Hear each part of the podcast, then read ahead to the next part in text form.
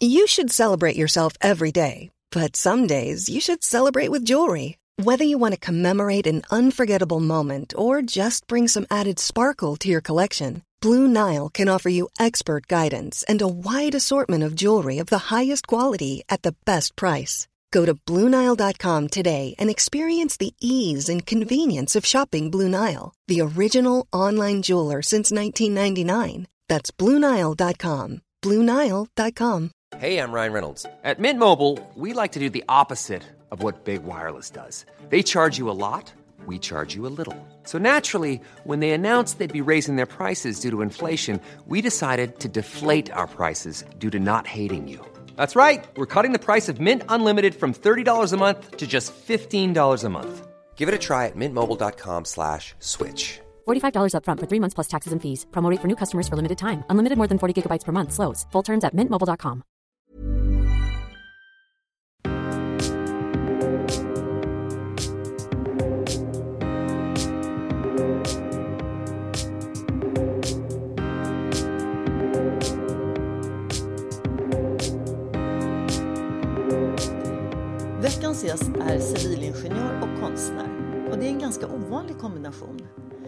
Hon har en stark inre drivkraft och hon vågar verkligen lita på sig själv.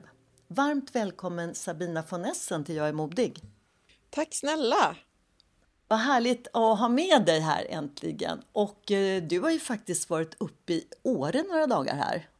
Ja, det var faktiskt eh, väldigt, väldigt härligt och eh, vi fick så tur med vädret och körde både lite skidor och hundspann, vilket jag inte har gjort förut. Sabina, du har ju alltid varit högpresterande. Eh, du har haft MVG i alla ämnen. Och eh, direkt efter gymnasiet så började du plugga mediateknik på KTH. Samtidigt som du var en del i ett startupbolag som utvecklade en AR-produkt för människor med demens. Och eh, ja, som om inte det räckte så hade du ju också extrajobb på Schibsted. Eh, Och spontant måste jag säga, det låter ju lite väl mycket. Även för en högpresterande person. Så vad hände? Ja, det var ju väldigt, väldigt mycket och jag har alltid varit väldigt bra på att eh, ta på mig saker för att jag tycker att det är så otroligt roligt. Men det som hände var ju att det blev på tok för mycket och jag eh, fick min första panikattack på mitt jobb då på Schibsted och visste inte vad som hände.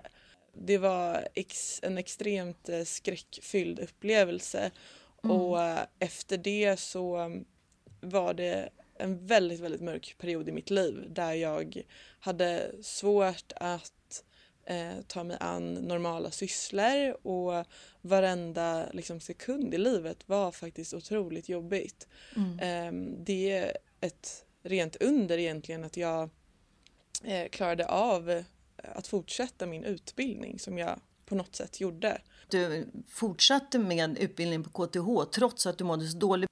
jag började ju gå till eh, en psykolog som hjälpte mig och mm, eh, det var ju bara att skala av. Och för mig som tidigare har varit ja, men högpresterande, haft otroligt många bollar i luften, känt mig som en superhjälte som klarar allt till att helt plötsligt inte klara någonting var det en otroligt jobbig eh, insikt att förstå att jag inte kan hålla på med de här sakerna som jag identifierade mig som. Jag kände mig som en entreprenör i mitt bolag, jag kände mig som en eh, duktig eh, kollega på jobbet och ehm, att gå från att inte vara det längre till att bara kunna klara av sin existens var väldigt smärtsamt.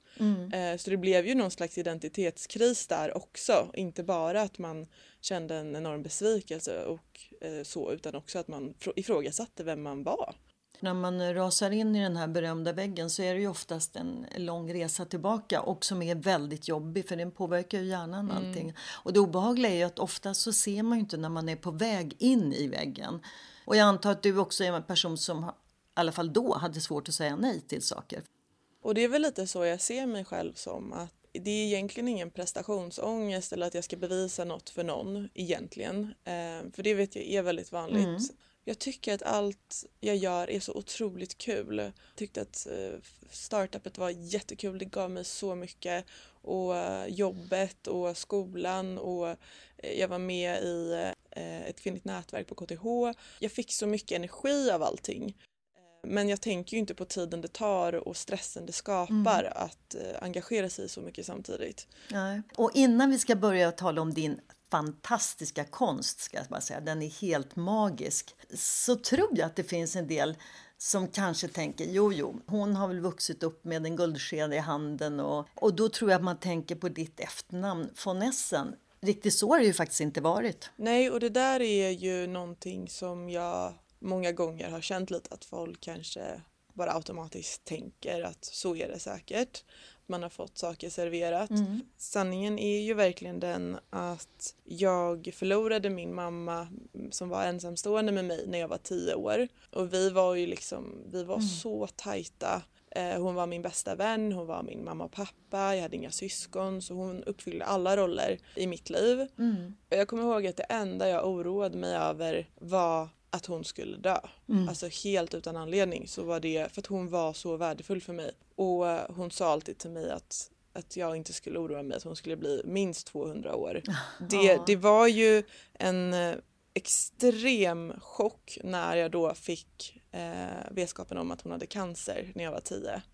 Eh, så att när hon då går bort mm. när jag är 10 så är det liksom, alltså det är en sån fruktansvärd insikt att jag bara har mig själv eh, i hela världen. Jag tror inte att, alltså den ensamheten går liksom inte att beskriva för någon.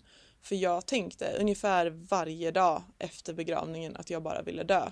Mm. Och eh, mamma var lite andlig och lite spirituell och trodde lite på olika saker. Nej. Och jag, jag trodde att om jag dog så skulle jag få träffa henne igen. Mm. Många gånger när jag stod liksom vid en perrong så tänkte jag så bara, ska jag bara hoppa? Och då var du bara tio år alltså? Jag var för rädd för att, för att göra det. Och då när människor har sagt till mig att ja, men du är så stark eh, som har gått igenom det här. Mm. Det gjorde mig, alltså jag ville bara spy av att höra det för att jag var för rädd för att ta mitt liv och folk säger att jag är stark. Eh, så att det där var mm en väldigt, väldigt stor händelse i mitt liv som har präglat mm. mig. Jag har blivit den jag är på grund av den händelsen. Som naturligtvis sitter väldigt djupt inom dig. Väldigt. Du och din mamma hade en otroligt stark och väldigt nära relation och säkert mycket beroende på att det var bara ni två. Din pappa fanns ju inte närvarande.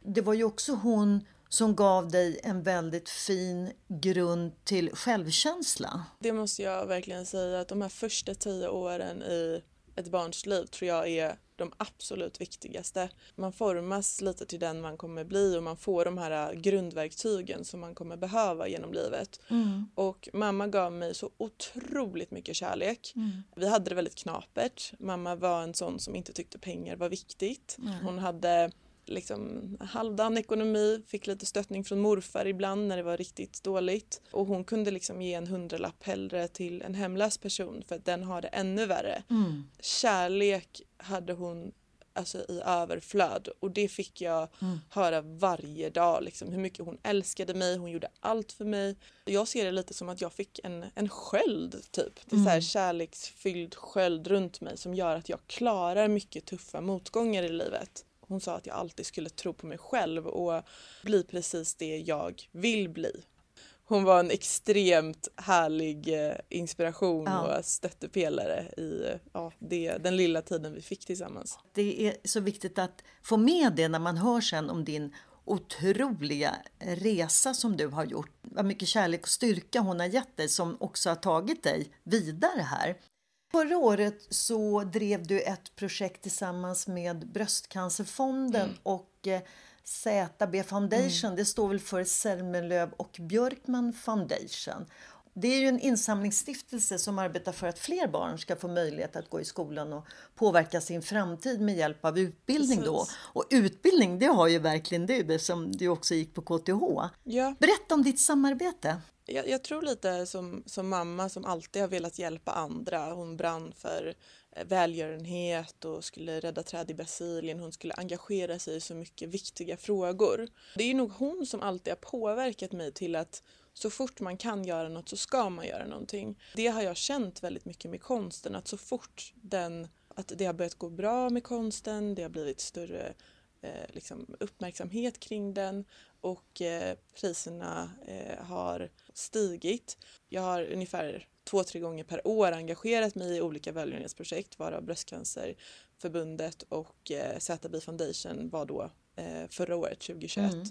Och de här organisationerna har jag tyckt eh, varit helt fantastiska att samarbeta med. Och jag hade ju den här drivkraften om att jag vill ju skapa förändring och så fort jag har möjlighet till att göra det vill jag det för det ger så mycket. Jag känner liksom att mm. mamma är med mig och är så jäkla stolt mm. och nöjd över de fina liksom, värderingarna som jag fortsätter att eh, ha som hon mm. har gett mig då.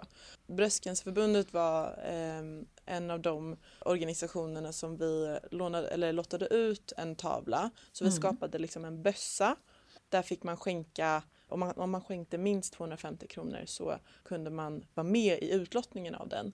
Och det blev ett väldigt stort projekt. Jag tror att vi samlade in runt 60 000 kronor. Wow! Så många ändå bidrog till det här var en så häftig känsla. Jag berättade även lite om min historia då med mamma och så nu var det inte just bröstcancer hon eh, hade Nej. utan det var en, en spridd cancer. Men det, för mig var det viktiga liksom att just den här inriktningen med kvinnor och cancer. Det är så många barn som blir av med sina mammor och ingen ska behöva förlora sin mamma och det var den, det budskapet jag kände var så starkt. Det är så många som faktiskt har skrivit till mig om att de har varit med om precis samma sak och förlorat sina föräldrar, förlorat sin mamma det är så vackert att se hur, alltså den här känslan över att man inte är själv, att man inte är ensammast i världen. För det var ju det jag kände och jag känner det om jag mår dåligt än idag så kan jag mm. känna mig som den här lilla tioåringen som Nej. bara inte har mm. någon och ingen Nej. Alltså det finns ingen i hela världen som man tillhör. Ja, det är en väldigt, väldigt stark känsla. Även om du idag naturligtvis har, du har din sambo, du har ju nära vänner. Den här eh, ensamhetskänslan, den är så djupt rotad så att det, mm. jag har all respekt för den. Alltså, verkligen. Mm. Vi ska ju bara säga också att du är ju faktiskt väldigt ung för du är vår yngsta poddgäst hittills ska jag säga. Nej, är det sant? du fyller 27 i år, eller hur? Mm. Som sagt, du är eh, utbildad civilingenjör. Du är autodidakt eh, konstnär, alltså självlärd ska vi också eh, lägga till. Men berätta, hur började din resa för drygt tre år sedan? Jag har ju alltid tyrt mig lite åt eh, att kladda med färg när jag har mått dåligt. Det, det började redan när mamma gick bort. Jag målade mycket med mamma när jag var mm. liten och så bara för att det var kul. Eh, och sen så när hon gick bort så ägnade jag mig väldigt mycket åt att måla liksom mina drömmar och mina mardrömmar. Jag har faktiskt en, eh, en liten canvasduk här i, i galleriet där jag sitter just nu eh, som jag eh, som mm. min morbror hittade från när jag var tio år. När hon, eh, efter mm. ett, ett, halvår efter hon hade gått bort. Wow. Som jag har målat. Och jag tycker det är så jäkla intressant att kolla på den ibland. Och se liksom, mm. att det mm. fanns redan då en väldigt stor passion kring att ja, kladda och, eller uttrycka liksom mina känslor i form av färg. Ja. Så den har nog alltid funnits med lite. Mm. Eh, men det var ju då en väldigt traditionell bakgrund eh, med min morfar som alltid tyckte att man ska antingen gå Handels eller KTH. Och det och, gjorde du? Och jag tror att hade mamma varit i livet då hade hon sagt redan från början att vadå det är klart du ska bli konstnär. Men enligt morfar då som hade en väldigt hård uppfostran och liksom inverkan ja. på mig. Det fanns inte på världskartan att jag skulle kunna sadla om till det eh, för det kan man bara inte bli. Nej. Så jag gjorde ju bara det som jag var bra på. Jag har alltid varit bra på matte liksom och körde på det spåret. Jag gick ut och sprang varje dag och så kände jag liksom att jag kan inte springa två gånger om dagen bara för att jag Nej. håller på att få panikattacker hela tiden. Och det var lite så det bara började att jag mm. hade något litet oljefärgskit hemma som jag hade fått på julafton du vet för jätte, mm. jättelänge sedan. Och jag bara satt med den, de oljefärgerna kladdade lite på ett A3-papper, gjorde lite abstrakta grejer, inga konkreta utan det var bara känslor som skulle ut på det här pappret. När jag eh, hade gjort kanske två, tre stycken sådana så mm. kände jag som, ja men du vet man är en ganska fattig student. Man har inte råd att köpa liksom nya dukar eller nu var det inte ens dukar, det var papper jag kladdade med. Men ja. färgerna började ta slut för det var så små tuber. Så av ren liksom, intention så lägger jag ut, lite på skojs skull, det här A3-pappret eh, på Blocket. Det är för mm. 300 kronor. Och, eh, jag fick förfrågor om att göra nya tavlor eh, för att folk, de bara, är den, är den på papper? Eh, kan du inte måla på duk?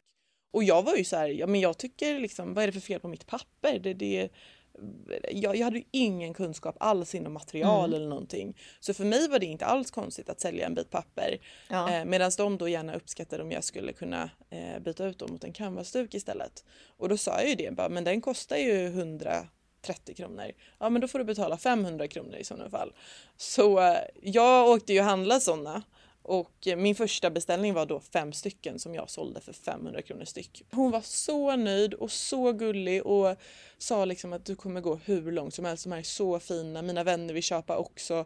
Och jag var så här, jag var helt paff. För mig var jag så här, ja, men jag var tredje året på KTH, jag, jag ska ju ändå bli någon techchef, alltså så här, det här var bara för att jag inte mår så bra just nu. Så det var lite där det började. Ja, och du fick ju också eh, ta kontakt med eh, några olika gallerister också efter att du hade sålt dina första tavlor, eller hur? Det som hände var att jag skapade ett Instagramkonto där jag la upp lite det jag började göra. Och, eh, så åkte jag ut till kunder som eh, ville kika på konsten ibland och det var faktiskt så den första galleristen kom och liksom hitta mig.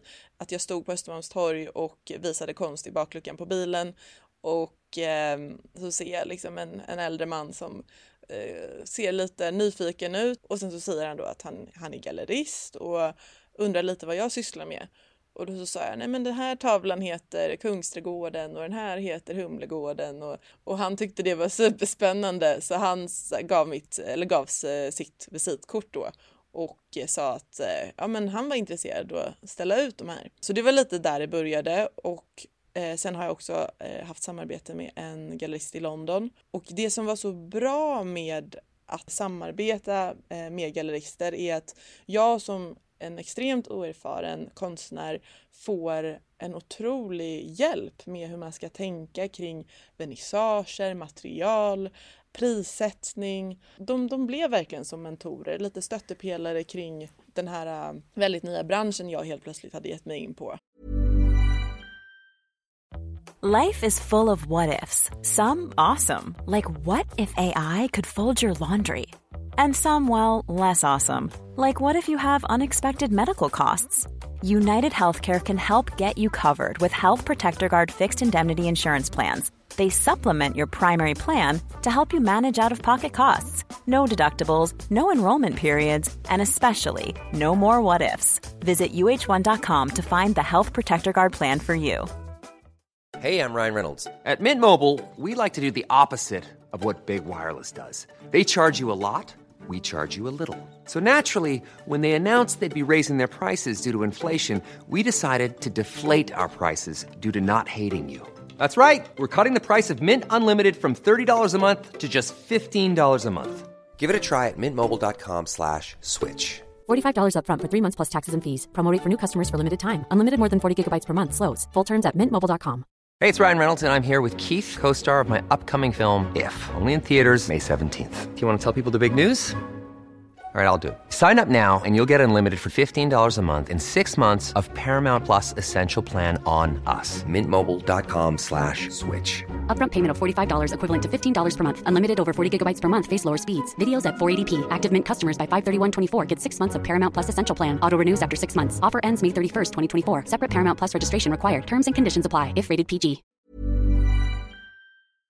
Det var ett extremt bra sätt för mig att börja faktiskt. Du tog ju till dig allt det här och sen, eh, för som sagt var det är bara drygt tre år sedan och eh, efter det så startade ju du eget galleri. Du har ju tagit hand om allting själv så du är ju både konstnär, entreprenör, du har ett eget galleri som heter von Essen Design och du äger dina digitala kanaler själv. Du säljer din konst numera via dina egna sociala kanaler. Mm.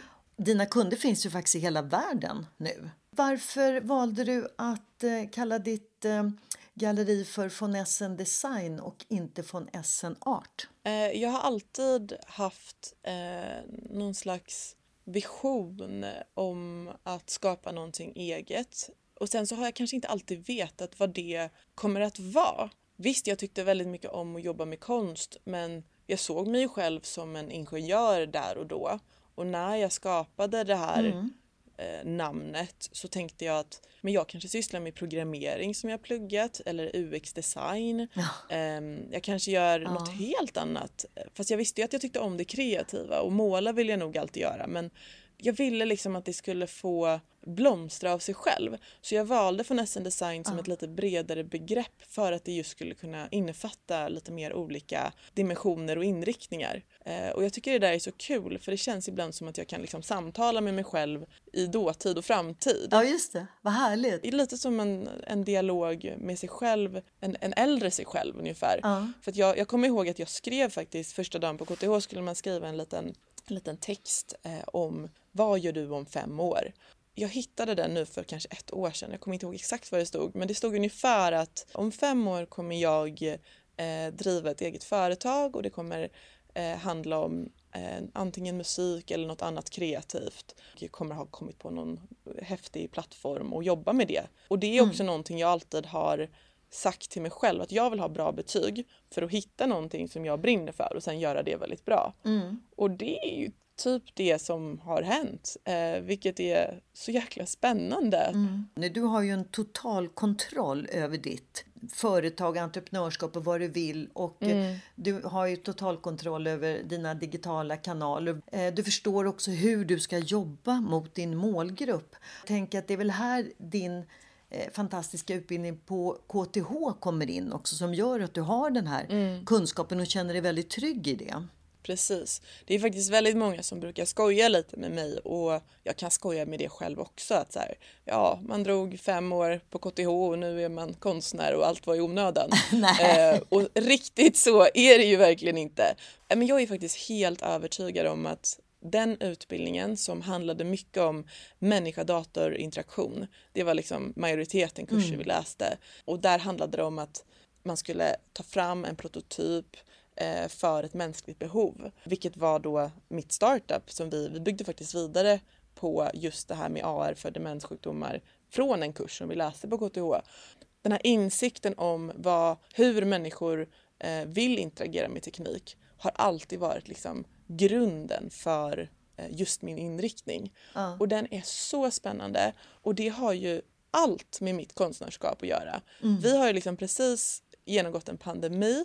Jag har behövt digitalisera all typ av konst och det har jag gjort från dag ett bara för att jag tycker det är kul och det, det är liksom så jag ser försäljning av, alltså den moderna försäljningen av konst. Det är så jag ser det, att man, man, man säljer det digitalt. Mm i, i mitt examensarbete exempelvis så eh, tog jag fram en 3D-visning på eh, en vernissage. Mm. Det var superhäftigt, man kunde klicka på tavlorna, se dem från olika vinklar och olika ljus och gå runt och kolla på konsten i ett 3D-rum. Jag skulle aldrig varit en så pass bra konstnär och som har spridit sig på det sättet jag har gjort om jag inte hade haft min utbildning Nej. i ryggen. Och jag ser lösningar på ett helt annat sätt. Så den tror jag har varit helt avgörande faktiskt för att nå eh, dit jag är idag. Vi kan ju säga att eh, dina första målningar då, 500 kronor, idag bara tre och ett halvt år senare är ju betydligt högre belopp. Alltså vi börjar bortåt 100 000 och mer, eller hur? Ja, precis. Det är där omkring en imponerande resa och just det här att du säljer till hela världen. Så när de ser mm. din konst digitalt så beställer de ett konstverk som du då skeppar över. Jag tycker det är så häftigt. Är det. Ja, och jag kan knappt förstå det själv. Nej, får nypa dig i armen ibland va? Men just det här att det är så mycket pengar och det är en, så, en, en sån här typisk grej som man kanske tänker att men den bör man ju se i verkligheten innan man trycker på köp. Mm. Och det är just den här, den här spännande utmaningen som jag triggas igång av så mycket. Att hur ska du kunna presentera en tavla digitalt på ett så verklighetstroget sätt som möjligt för en person som kanske sitter på andra, jord, eh, andra sidan jordklotet? Och det är ja. sådana frågor vi jobbade mycket med på KTH. Vi hittade ett problem och så skulle vi med teknik hitta en sjukt bra lösning. Och jag tror också att den här tekniska bakgrunden har också fått mig att tänka att färg på duk behöver inte vara definitionen av konst. Utan det kan vara i andra Nej. former. Det kan vara eh, prints, det kan vara kuddar, vi har börjat med textiler nu, vi kommer gå in i keramik, Just vi vill det. jobba med glas och jag vill skapa en värld. Det här skulle inte kunna vara möjligt om jag hade en gallerist. Och det är jag ledsen för att säga. För jag märkte väldigt, väldigt tydligt och det var därför det tog slut med de här galleristerna. Att de, de ville forma mig och de ville ha kontroll på vad jag gjorde. Eh, jag fick liksom råd om att inte använda guld som är huvud liksom signalementet i mina tavlor. Exempelvis så gör vi detaljerade prints idag på vissa delar av en originaltavla. Och det är någonting som vi har bara kommit på själva. Att, Men gud, ibland är en specifik del av en tavla jättevacker. Eh, till exempel de här detaljerna med de här små gestalterna. De är bara en liten del av en tavla om man ser den på håll. Men om man, om man fotar den eh, och gör dem väldigt stora så får de en helt annan liksom, kraft. Alltså sånt där, att, att, att få jobba på sitt egna sätt och att ingenting är omöjligt. Det var så häftigt när jag insåg att det, jag kan göra precis vad jag vill och på vilket sätt jag vill eh, om jag bestämmer över mig själv. Men du är ju väldigt kreativ. Det är jättebra just att du kan ha den här kontrollen över det di- digitala själv. Och att allting får ske som det, som det bara är tänkt att det ska få Exakt. göra. Och att ingen liksom begränsar Nej. det. Och det är därför jag faktiskt också kände för att det är mycket jobb. Alltså gallerister gör väldigt mycket eh, när det kommer till utställningar, hjälper till och hänger och allting. Det behöver ju inte man som konstnär eh, göra så mycket Nej. om man har en gallerist. Men nu så blev det ju så att jag ville jobba själv och det blir ju då väldigt, väldigt mycket mer jobb. Mm. Så jag har ju faktiskt anställt en fantastisk tjej eh, som heter Klara, ja. Mm. som jobbar, jobbar liksom in-house med mig och gör allt som jag inte hinner med. Vilket gör att jag kan fortsätta göra allting som jag älskar att göra och komma på nya idéer för det finns kraft att liksom avlasta mig. Allting har bara blivit så fantastiskt. Ja, ni är ju ett suveränt team du och Klara, verkligen. Gud vad härligt. Eh, Sabina, vad är mod för dig? Från hjärtat känner jag verkligen att det är när man vågar liksom helt fullt ut lita på sig själv och göra det man älskar. Att inte låta någonting stå i vägen, att våga, även hur läskigt det än kan vara, våga satsa allting på någonting. Eh, Så jag tycker verkligen att jag var modig när jag tackade nej till intervjuer på techbolag som har med min utbildning att göra och, och kände att nej men det här med konsten brinner jag för och då ska jag köra på det. Och det har varit flera sådana milstolpar i mitt liv känner jag. Det verkligen har behövts att vara modig, hur jobbigt det än kan vara. Men det skulle jag nog säga för mig faktiskt. Du är ju verkligen en modig person och även om, man, även om du ibland tappar fotfästet, jag tänker på i samband med när din mamma dog och det finns kanske andra händelser också, så har du ändå kommit igen och det är ju en både styrka och ett mod. Och som sagt var, det här som din mamma är ingjutit i sig själv, att våga lita och tro på dig själv, det är ju väldigt grundmurat. Är det ju. Berätta lite grann om din konst allt är ju känslor och intryck av omgivningen och alla tankar man har. Jag har tidigare döpt dem väldigt mycket till olika miljöer runt omkring mig som jag ofta vistas i, exempelvis Djurgården och eh, olika gator i Stockholm. Jag vill gärna se på min teknik idag att den är ju resultatet av de här tre åren där jag dagligen har arbetat med eh, målande och skapande. Det är lite roligt faktiskt om man går in på min Instagram och eh, scrollar längst längst ner. Man kan se en enorm utveckling och jag kan nästan beskriva i varje tavla vad jag har tänkt och vad jag har utvecklats med i den tavlan och vilka insikter jag fick när jag gjorde den tavlan. Väldigt sammanfattat så har jag gått från att måla mycket med penslar till eh, så helt plötsligt så la jag en, en, en skyline som jag tyckte var häftig som en horisont och sen av någon anledning så la jag bara en, en gestalt i mitten på den och bara oj, men gud, det här blev ju en helt annan dimension. Så började jag lite med ljussättning. Så att det här har liksom utvecklats under väldigt lång tid. Jag har ju liksom min stil och det är väldigt kul att hitta, när man hittar den. Det kanske tog ett år. Nu har jag liksom gått från att göra de här äh, raka penseldragen till att liksom dra i färgen och skapa väldigt, väldigt grova strukturer och liksom utåt utpekande partier på tavlorna och jobbar med djur och människor på ett helt annat sätt. Det här är eh, då främst akrylmålningar och jag har börjat väldigt mycket experimentera med torkningsprocessen med akryl och ibland låtit en färgburk stå helt öppen och torka eh, och sen så bara liksom är den en helt annan konsistens än vad den liksom var när den var väldigt fuktig innan. Och så jobbar jag med den och fingrar och jag, jag vill gärna liksom testa alla verktyg som finns för att jag vill konstant utvecklas. Det, man ser ju väldigt tydligt eh, att det är Sabina eh, som har målat dem. Din konst är ju fantastisk. Men det är några tror jag, som har försökt att kopiera dig, eller hur? Eh, det är kanske därför en, en väldigt eh, stor press för att utvecklas också eh, sker. Men det är faktiskt väldigt, ja. väldigt många som har börjat eh, kopiera och då menar jag liksom hämta en extremt stor inspiration. Att det är så här, jag kan kolla på en bild på vad någon annan har gjort och bara oj, var det här jag som hade gjort? Så bara ser jag att det, det är någon helt annan. Eh, man ser att det kanske finns något vinnande koncept, man tycker själv att det är tilltalande och så sitter man och målar och känner brist på inspiration och kanske då sätter fram en bild på någon av mina tavlor och målar av. Um, och det är ju väldigt smickrande uh, och det är väldigt häftigt att mm. uh, man inspirerar. Eh, men det är ju också ganska tråkigt när många kunder tror att de är originalet och kanske inte vet att inspirationen är hämtad. Så där brukar jag verkligen vilja säga liksom att fan, alltså det, ni får inspireras men skriv då att, att det är inspirerat av mig så att man inte känner sig lurad som kund sen. Ja, men utveckling hela tiden. Nu kommer det ju fantastiskt fina kuddar. Eh, och det är inte tryckt utan det är vävt, de här små rådjuren är det väl va?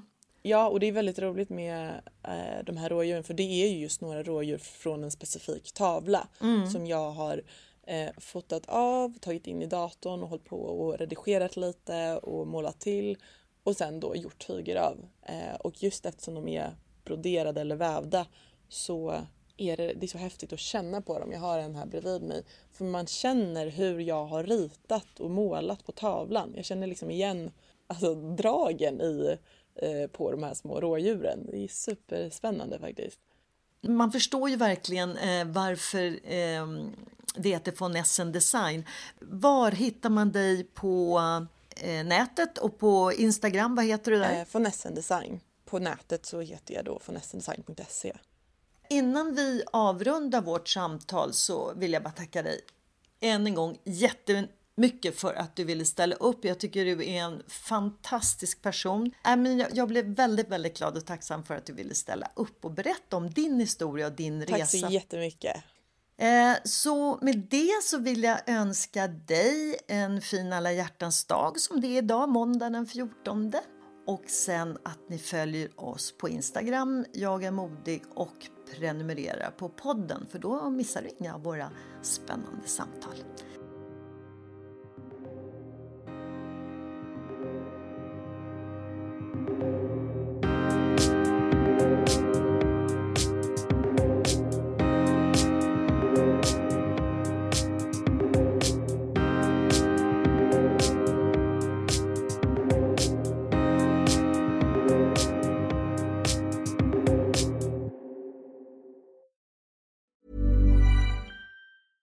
Ever catch yourself eating the same flavorless dinner three days in a row?